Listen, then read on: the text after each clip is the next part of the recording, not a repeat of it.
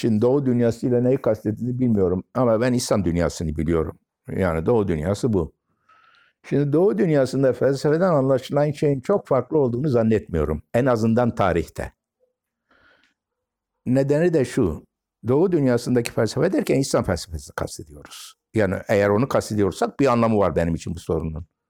E bu İslam felsefesi işte e, e, şeyden sonra 8. yüzyıldan sonra efendime söyleyelim e, İslam dünyasında İslam dünyası en iyi terim budur.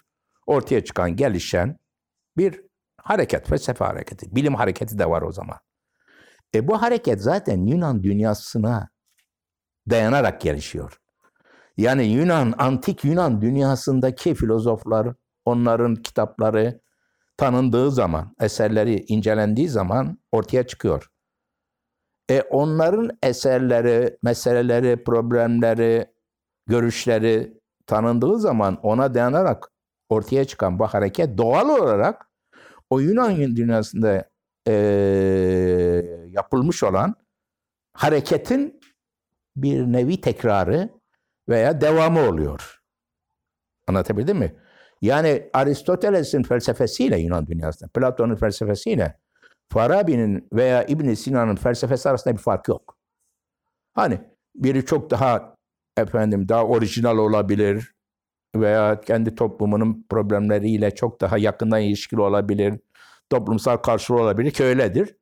Öbürü aynı ölçüde ama gene aynı türde. Yapısal bakımdan fark yok. Eğer bunu kastediyorsa. Ki bence bunu kastetmen lazım.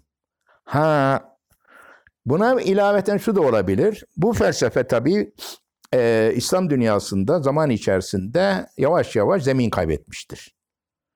Yani onun nedeni başka. Onun nedeni işte İslam dünyasında e, diyelim ki dinle, İslamiyetle ve onu temsil edenlerle e, makul, uyumlu bir köz, uzlaşmayı başaramamıştır. Oraya girmeyelim. Anlatabildim mi? İşte Gazali falan gibi insanlar veya işte e, din bilimlerini temsil eden insanlar zaman içerisinde bu filozofların yaptıkları işe karşı çıkmışlar. İşte bunun dinsizlik olduğunu, burada ileri sürülen tezlerin İslamiyet'in temel e, doğmalarına, inanç unsurlarına aykırı olduğunu söylemişlerdir ki haklı oldukları taraflar da gerçekten vardır.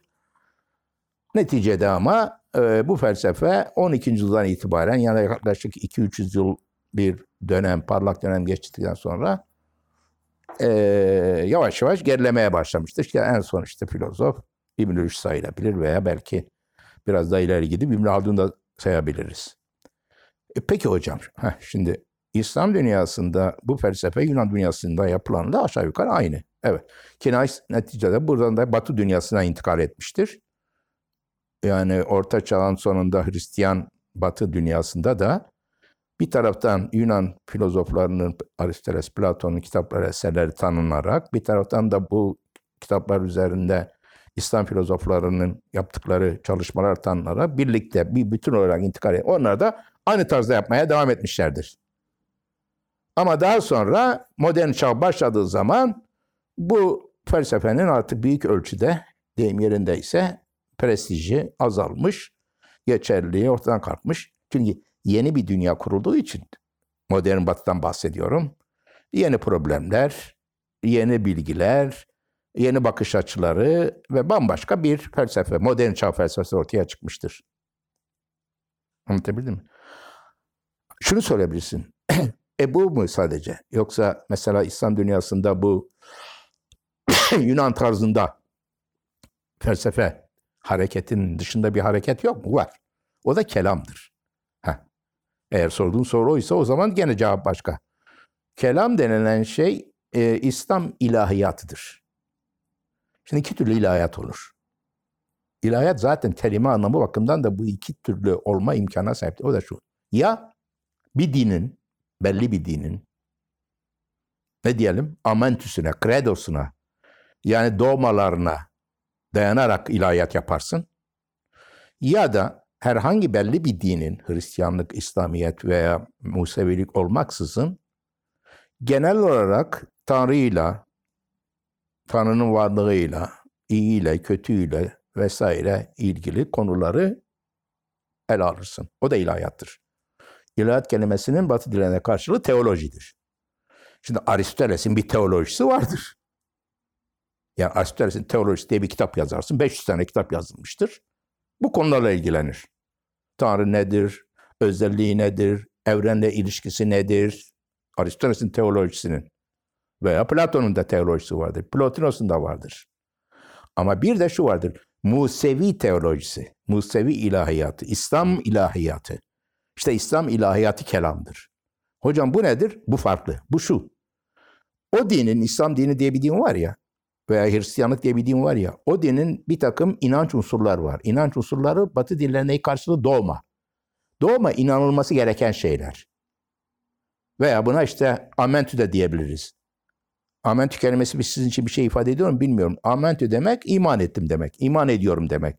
Neye iman ediyorsun? İşte İslam e, amentüsü. Amentü billahi. Tanrı'ya iman ediyorum. Tanrı'ya inanıyorum. Heh. Efendim başka meleklerine inanıyorum. Başka kitaplarına inanıyorum. Başka peygamberlerine inanıyorum.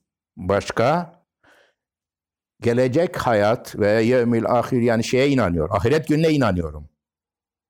Başka e bir de iyi ve kötünün efendime söyleyeyim Tanrı'dan geldiğine inanıyorum. İşte altı şey. Altı temel ne diyelim doğma. Doğma kötü, kötü bir anlama gelmiyor. Doğma inanılması söz konusu olan şey. Tanrı vardır, melekler vardır, işte kitapları Tanrı tarafından gönderilmiştir. Şimdi bu konuda Kur'an'ın e, bir takım görüşleri var. Değil mi? Görüşleri var. Şimdi bu görüşleri doğru kabul edeceksin. Bu görüşler zaten amentü. İmanın şartı kaçtır denir? Altıdır. O görüşleri kabul etmezsen mümin, Müslüman olmazsın. Mümin olmazsın. Bu görüşlerin üzerinde de bu görüşleri sadece iman etmekle kalmayıp ne diyelim akılsal olarak düşünmek yolunu, tefekkür etmek yoluna da gidebilirsin. Felsefenin konusu her şey olabilir.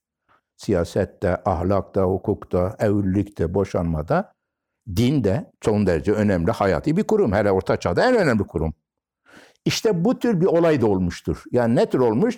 Demek ki Yunanlardan gelen Yunan tarzı o felsefe hareketi içerisinde ele alınan meseleler üzerinde filozoflar düşündükleri gibi bir de İslam dünyası içinde bunlara filozof denmez. Bunlara kelamcı denir. Mütekellim denir. Bir grup insan da İslam dininin getirmiş olduğu o credo ve amentü üzerinde teemmülde, tefekkürde, akılsal kanıtlamada bulunuyorlar. Tamam mı? Bu ayrı bir şey. Bu grupla filozoflar arasında da bir takım gerilimler oluyor. Yani demek ki İslam filozoflarıyla sadece şey gibi Gazali gibi ki Gazali aynı zamanda hem şeydir yani bir dom, e, e, ne derler kelamcıdır hem bir tasavvuftur. Veya daha basit diyelim ki Ahmed İbni Hanbel, Hanbeli mezhebinin kurucusuyla aralarında bir problem çatışma olduğu gibi bir de kelamcılarla filozoflar arasında da oluyor. Mantığını anlayabilirsin. Neden? Bir, bak ne dedik? Filozof ne düşünüyor? Filozof Yunan dünyasına gelen e, siyaset, ahlak, efendim işte doğa felsefesi, psikoloji üzerinde düşünüyor. Oysa ki kelamcı ne üzerinde düşünüyor? Oradan gelen şey değil. İslamiyet'ten gelen ve İslamiyet'in bir Müslümanın inanmasını şart koştuğu konu üzerinde düşünüyor. E şimdi o onları üzerinde düşünürken ahiret günü atıyorum. Şimdi ahiret gününe inanıyorum diyor. E bir Müslüman ben ahiret gününe inanmıyorum diyerek felsefe yapamaz. Öyle değil mi? Peki filozof? E yapar. Şimdi anlayın. Filozof yapar. E hocam hakikaten inanmayan filozof var mı? Yok ama ahiret gününe şeyin inandığı gibi inanmaz. Kelamcı inandığı gibi inanmaz. Hocam hakikaten bunu somut örnek olmaz mı? Şimdi şeye tanrı, e, o, ahiret gününe inanıyorum derken insanlar veya kelamcılar veya kelamcıların dayandığı dini metinler he? nasıl bir ahiret gününe inanıyorlar? Gene basit olarak ifade edelim. İşte insan ölecek, mahşer günü olacak, kıyam olacak, kalkacak insanlar. Tanrı yargılayacak bunları. Öyle değil mi? Öyle ve böyle. Bunlar cennete gönderecek, bunları cehenneme gönderecek. İşte cehennemde onlar yanacaklar, cennette de kebap yiyecekler, hurilerle sevişecekler. Böyle mi? Tamam. E filozof bunu kabul etmiyor işte. Problem bu. Yani ahiret gününe veya gelecek hayata inanmak var, inanmak var. Kabul etmek var, kabul etmek var. Filozof şöyle diyor. Yani gelecek hayatta bedenlerin, basit olarak konuşuyorum gene, bedenlerin yeniden dirilme söz konusu olamaz. Çünkü gelecek hayat bedensel, fiziksel bir zevk veya ıstırap dünyası olamaz. Anlatabildim mi? Peki nasıl olur? Sadece ruhlar. Peki ruhların azabı veya ruhların mutluluğu ne olabilir? Filozof gene bir şey söylüyor. Valla ruhların azabı cehalettir. Ruhların mutluluğu da felsefedir. Anladınız mı? Hocam hakikaten böyle, hakikaten böyle söylüyorlar. Mesela Farabi bunu söylüyor. Farabi diyor ki, Farabi cennete, cehenneme ve gelecek hayata inanıyor. Ama şöyle diyor. Yani orada tabii bedensel veya bireysel ölüm veya ölümsüzlük olmaz. Dirilme olmaz. Tamam mı? Ha bunlara hocam bu kadar açık mı söylüyor? Açık söylemiyor ama anlayana, arif olan anlar tarzında söylüyor. Peki ne olacak? Ben onu çok sempatik duymuşumdur. Yani hakikaten bu söylediklerini. Ya diyor işte bu dünyada iyi faziletli hayat yaşayanlar o dünyaya gittikleri zaman kendileri gibi olan insanlarla karşılaşacaklar. Yani Ahmet Aslan Sokrates'le karşılaşacak. Ee, işte anladınız mı? Veya işte Newton'a karşılaşacak. E bunlar da birbirleriyle aynı türden adamlar oldukları için felsefe yapacaklar, tartışacaklar, birbirlerinin varlığında mutlu olacaklar. Cennet böyle bir şey olacak diyor. Şimdi Gazali karşı çıkıyor haklı olarak. O da haklı çıkıyor. Ama böyle bu nasıl cennet?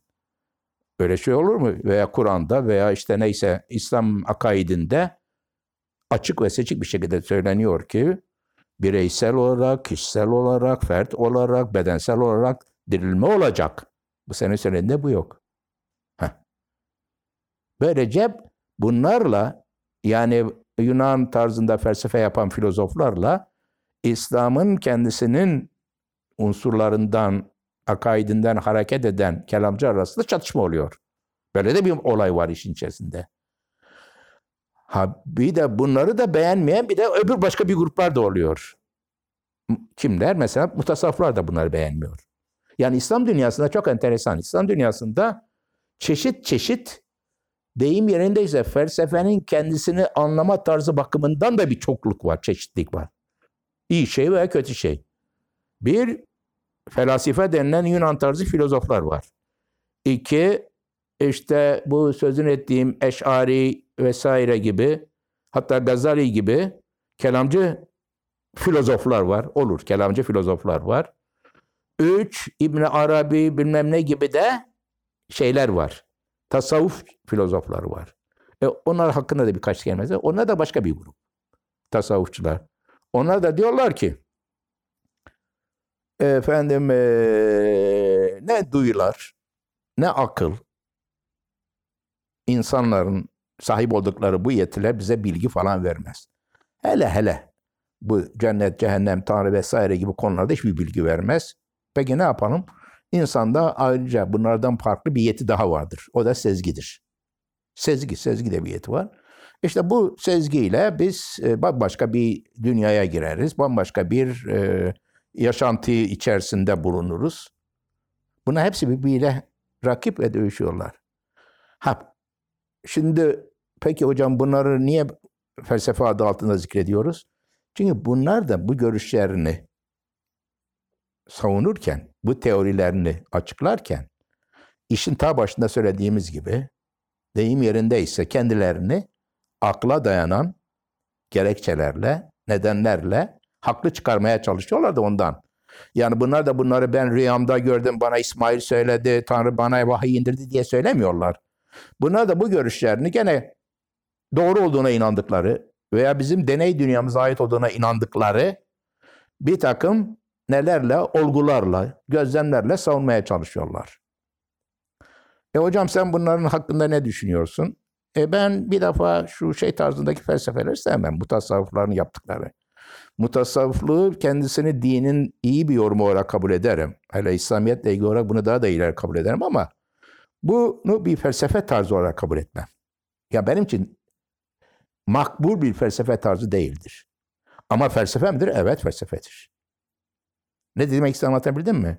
Evet.